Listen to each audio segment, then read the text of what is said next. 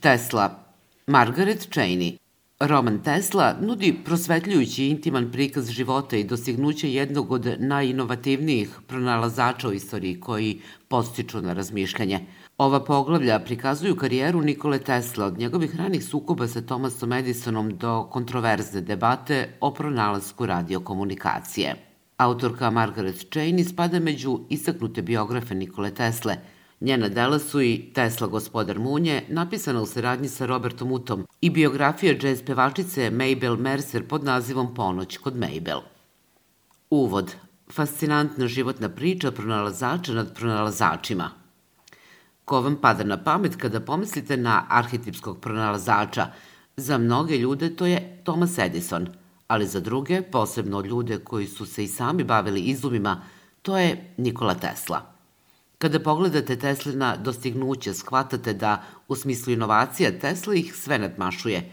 On je otac bežične komunikacije, naizmenične struje, radara i solarne tehnologije. I dok su Edison, Marconi i ostali zaradili milione od svog rada, Tesla je umro sam u relativnom siromaštvu. Ova poglavlja objašnjavaju kako su ideje Nikole Tesle pomogle da moderni svet postane ono što jeste i zašto on nikada nije profitirao od svog rada. Ona će vam takođe pokazati zašto su neki od Teslinih eksperimenata bili opasnost za konje, koji je poznati pisac predstavljen na prvom rentgenskom snimku na svetu i kako se vodio rat struja. Ključna ideja 1. Kod Nikole Tesle su se ekscentričnost i ljubav prema nauci rano formirali. Tačno u ponoć između 9. i 10. jula 1856. godine u hrvatskom selu Smiljanu rođen je Nikola Tesla.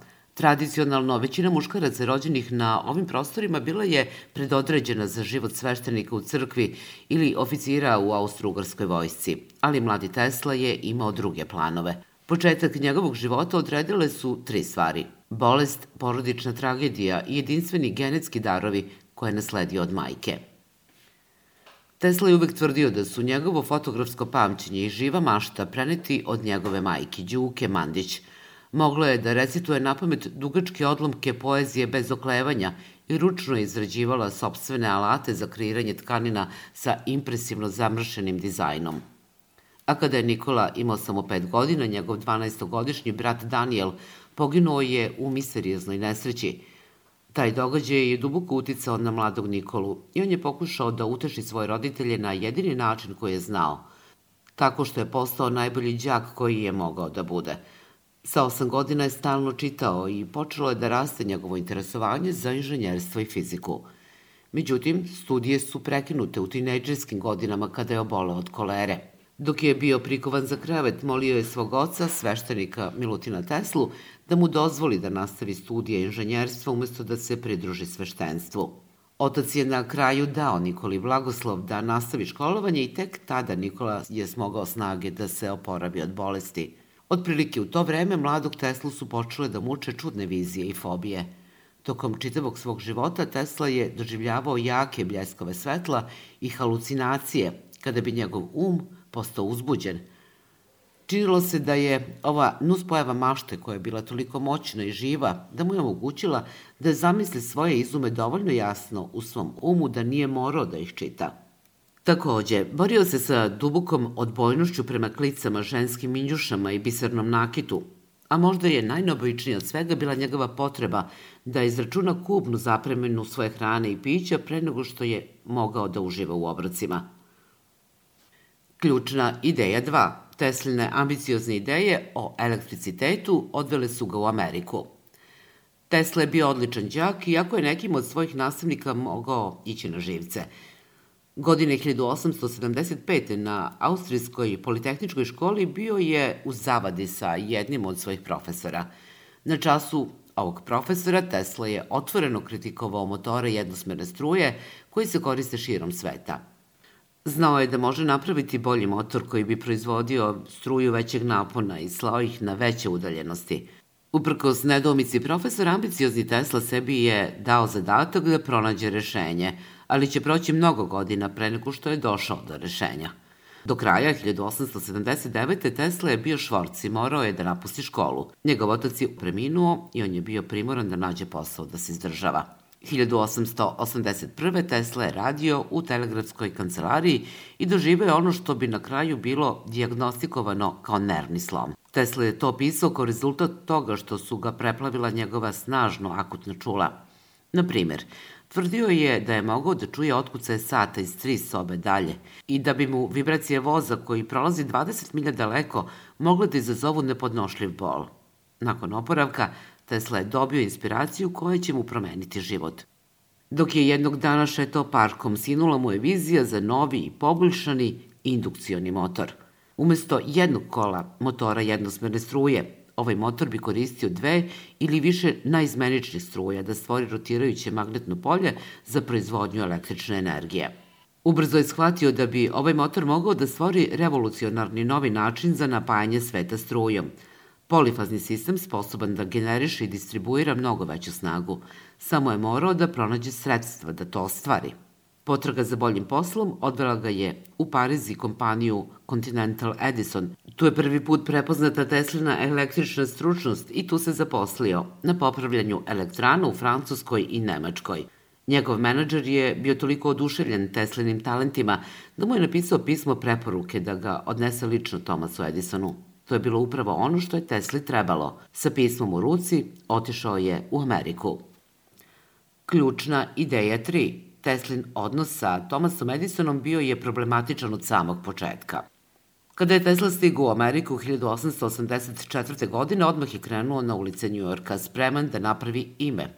I nije mu trebalo dugo da se pojavi u kancelarijama Edison Electric Kompanija – Kompanija Thomasa Edisona bila je odgovorna za napajanje većeg dela Njujorka, ali njegovi lako kvarljivi i nestabilni generatori jednosmerne struje bili su daleko od savršenih i Tesla je to znao.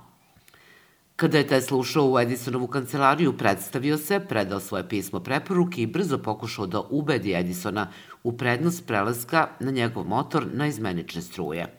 Poštedi me te gluposti, odgovorio Edison. Spremni smo za jednosmernu struju u Americi. Ljudima se to sviđa i to je sve sa čime ću se ikada zavaravati. Ali možda bih mogao da ti dam posao. Istoga dana Edison je dao Tesli da radi na popravljanju rasvete na parobrodu SS Oregon. Brzo je to uradio, impresionirajući Edisona tako što je završio popravke do jutra.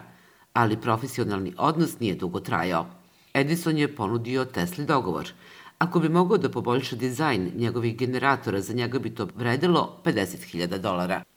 Tesla je to zvučalo kao dobar predlog i tokom vremena redizajnirao je i poboljšao 24 Edisonova električna generatora čak do tačke da je instalirao automatske kontrole. Ali kada je došlo vreme da Tesla dobije svoj novac, Edison je izgledao zbunjeno i rekao mu je Tesla, ti ne razumeš naš američki humor – Edison mu je umesto toga ponudio povećanje plate sa 18 na 28 dolara nedeljno. Tesla se osjećao prevarenim, izigranim, a obeshrabreno i depresivno je sada počeo da gleda na mogućnost da uspe u ovoj novoj zemlji. Ključna ideja 4.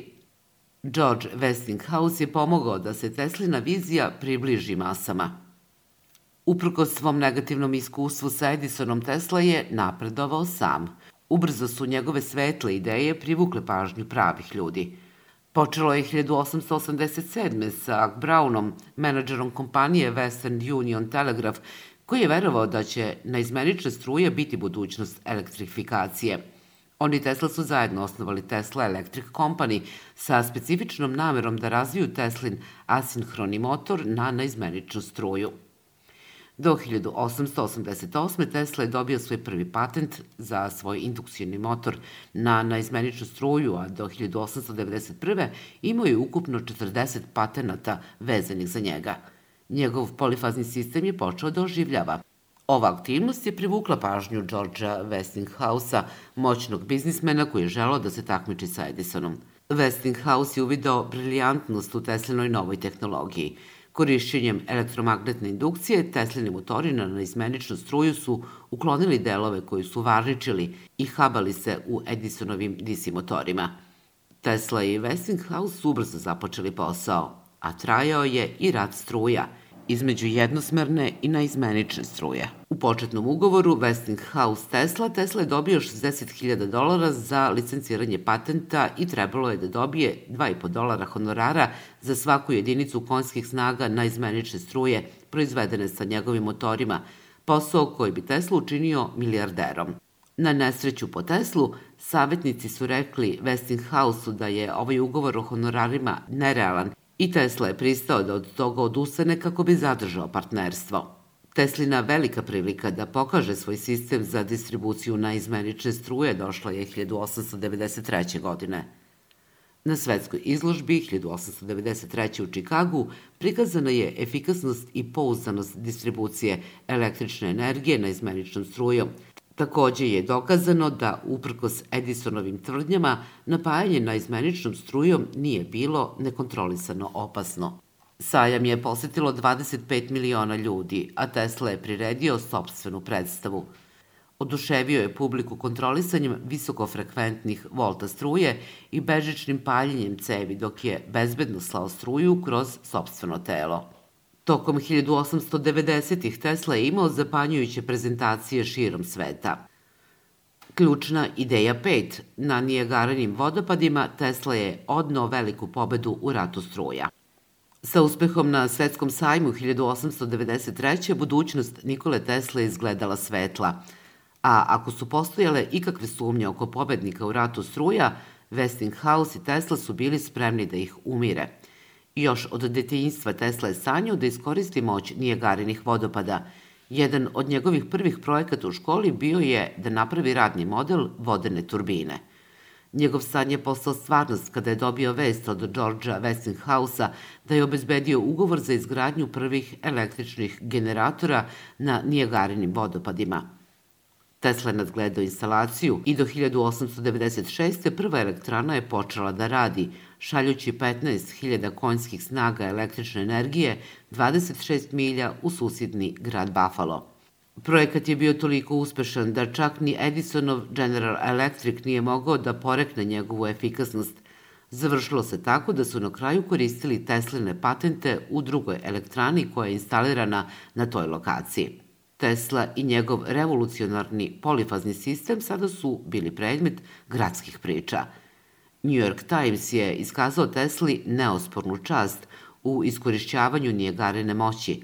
Američki institut elektroinženjera odlikovao ga je medaljom časti. Čak su i druge nacije primećivale Teslin rad. Zaista, teško je preceniti važnost Teslinog dostignuća, jer je ono postavilo temelje za čitav svetski sistem napajanja – Teslini polifazni sistemi za napajanje naizmeničnom strujom proširili su se na druge gradove, a ubrzo i na druge zemlje. Ključna ideja 6. Katastrofa u Teslinoj laboratoriji bila je nezamisliva šteta za ovog naučnika. Uprko svim dosignućima sa asinhronim motorom na neizmeničnu struju, Nikola Tesla nikada nije ležao na lovorikama. Stalno je istraživao nove ideje i traži inspiraciju – Dakle, nakon svog rada na Nijagarinim vodopadima, brzo se vratio s provođenju eksperimenta u svojoj laboratoriji u Južnoj petoj ulici 3335, sada zapadni Broadway u Njujorku. Ova laboratorija je bila leglo inovacija ranih 1890-ih. Čak i tokom rata struja protiv Edisona Tesla je bio zauzet u laboratoriji. Mnogi od njegovih eksperimenata u to vreme bili su fokusirani na njegov san o bežičnoj distribuciji električne energije širom sveta – Tesla je verovao da se ili sama Zemlja ili električno naelektrisanje, gornja stratosfera Zemlje, može koristiti kao provodnik. Ove ideje su vodile Teslin revolucionarni napredak u tehnologiji radija i daljinskog upravljanja. 1893. godine u Nacionalnom udruženju za električnu energiju u St. Louisu održao je prvu javnu demonstraciju radiokomunikacije – Koristeći predivnik varnice od 5 kW, poslao je bežičnu poruku prijemniku udaljenom 30 stopa. U to vreme Tesla je takođe volao da zabavlja goste u svojoj laboratoriji postavljanjem zaslepljujućih displeja. Mark Twain je bio prijatelj koji je često sa divljenjem posećivao Teslinu laboratoriju kada je bio u Njujorku – U stvari, kasnije je otkriveno da je laboratorijski eksperiment koji uključivao fotografiju Marka Tvena koju je Tesla napravio, u stvari prva rentgenska fotografija snimljena u Sjedinjenim državama. Ali sva ova istraživanja i još mnogo toga izgubljeno je ujutru 13. marta 1895. kada je Tesla otkrio da je njegova laboratorija izgorela do temelja preko noći. Smatra se da su eksperimenti koji uključuju proizvodnju tečnog kiselnika mogli da izazovu katastrofu. To je bilo posebno pogubno za Teslu, jer se nikada nije pripremao za takvu situaciju, nikada nije osigurao svoju zgradu ili opremu. Ključna ideja 7. Tesline ideje su bile toliko velike da je često imao problema sa pronalaženjem investitora. Pored toga što je za Teslu gubitak njegove laboratorije bio veliki kreativan pad, toga je i finansijski teško pogodilo. Nije imao osiguranje za zgradu ili svoju opremu, a njegovo partnerstvo sa Westinghouseom je skoro završilo. Morao je da pronađe investitore da bi svoj sledeći veliki izum ostvario. Nakon što je oplakivao svoje gubitke, Tesla je krenuo u izgradnju nove laboratorije uz pomoć veza koje je stekao na projektu Niagara – Nastavio je tamo gde je stao sa svojim eksperimentima na daljinskom upravljaču, verujući da tehnologija može biti isplativa. Podnao je patente i demonstrirao prvi čamac na svetu na daljinsko upravljanje na prvoj električnoj izložbi u Madison Square Gardenu 1898. On je zamišljao mnoge upotrebe tehnologije, ali je posebno govorio o njenom vojnom potencijalu, opisujući viziju robota na daljinsko upravljanje koje će da vode naše ratove i brane naše obale – Iako bi zapravo po Teslinom mišljenju ta tehnologija u potpunosti dovela do kraja rata, uprkos angažovanju zemlje u špansko-američkom ratu u to vreme, nije bilo zainteresovanih koji bi ih preuzeli i dalje razvijali. Novine su sumnjale u ovu novu tehnologiju. Neki su se pitali koliko će prenosi biti sigurni od smetnji ili presretanja. Oni nisu bili potpuno svesni da je Tesla već razvio i savršio sigurne linije komunikacije – Ova i mnoge druge ideje pokazale su se daleko ispred svog vremena. Na primjer, otprilike u isto vreme kada je predstavljao svoje uređaje na daljinsko upravljanje, promovisao je teorije o iskorišćavanju sunčeve energije. Tesla je takođe istraživao ono što je nazvao telegeodinamikom, polje koje koristi principe vibracije za bežično slanje poruka kroz zemlju ili za otkrivanje podzemnih nalazišta nafte ili minerala. Uprkos zahtjevima za finansiranje, čak i prijateljski raspoloženi investitori kao što je Westinghouse odbili su da pomognu Tesli da ove tehnologije postanu svakodnevna stvarnost tokom njegovog života. Ključna ideja 8. Bežični prenos energije je Tesli neprestano izmicao.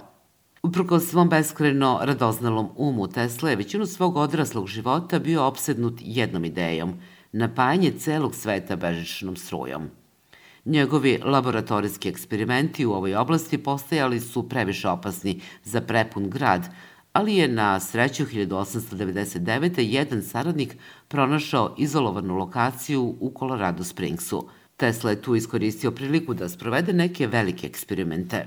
Po dolasku u Colorado, Tesla je odmah napravio ono što je nazvao predajnikom za uvećanje.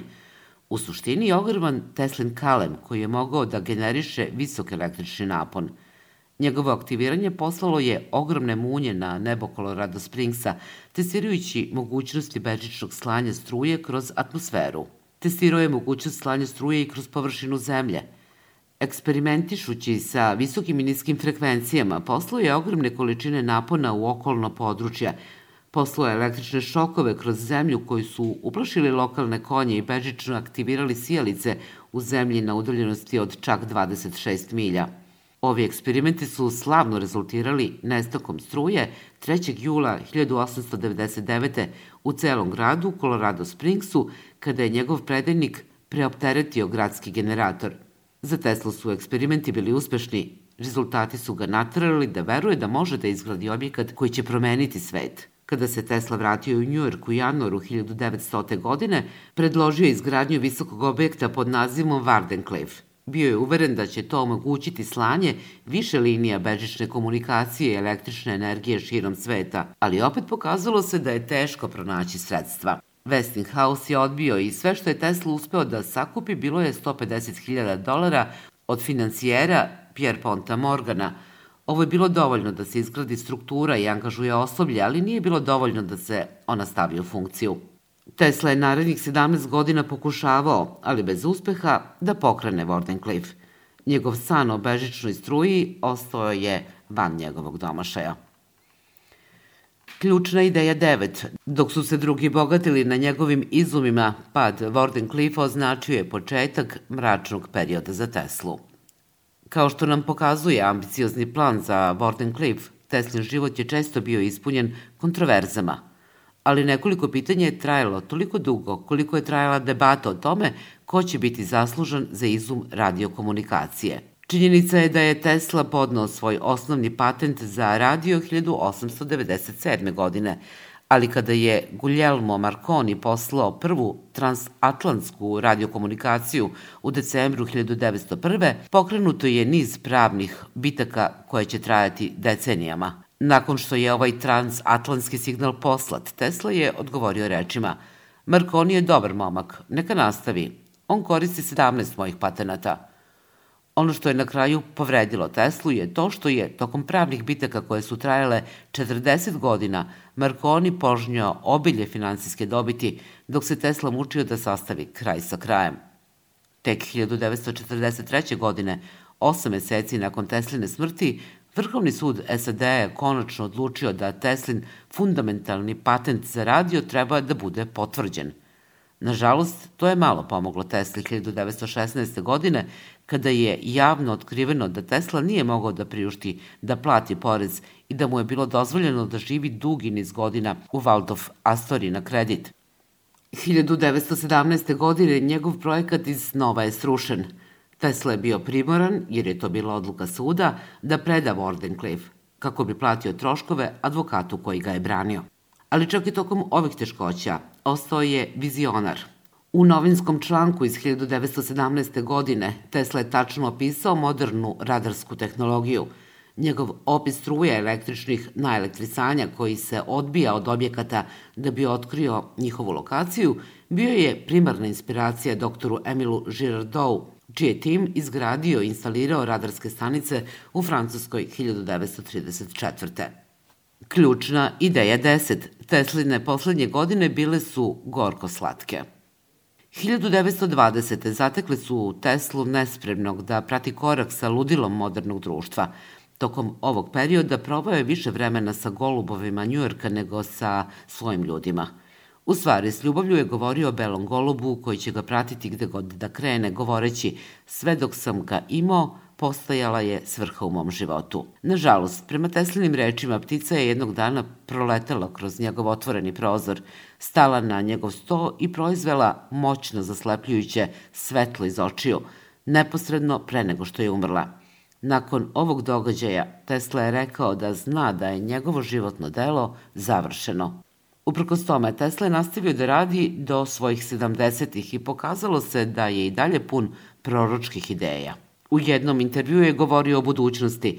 Dnevne novine će se štampati bežično u kući i da će ljudi koristiti džepne instrumente za koje se smatra da su neverovatno jednostavni u poređenju sa našim sadašnjim telefonom.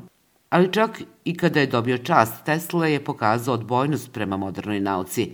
Na proslavi njegovog 75. rođendana 1931.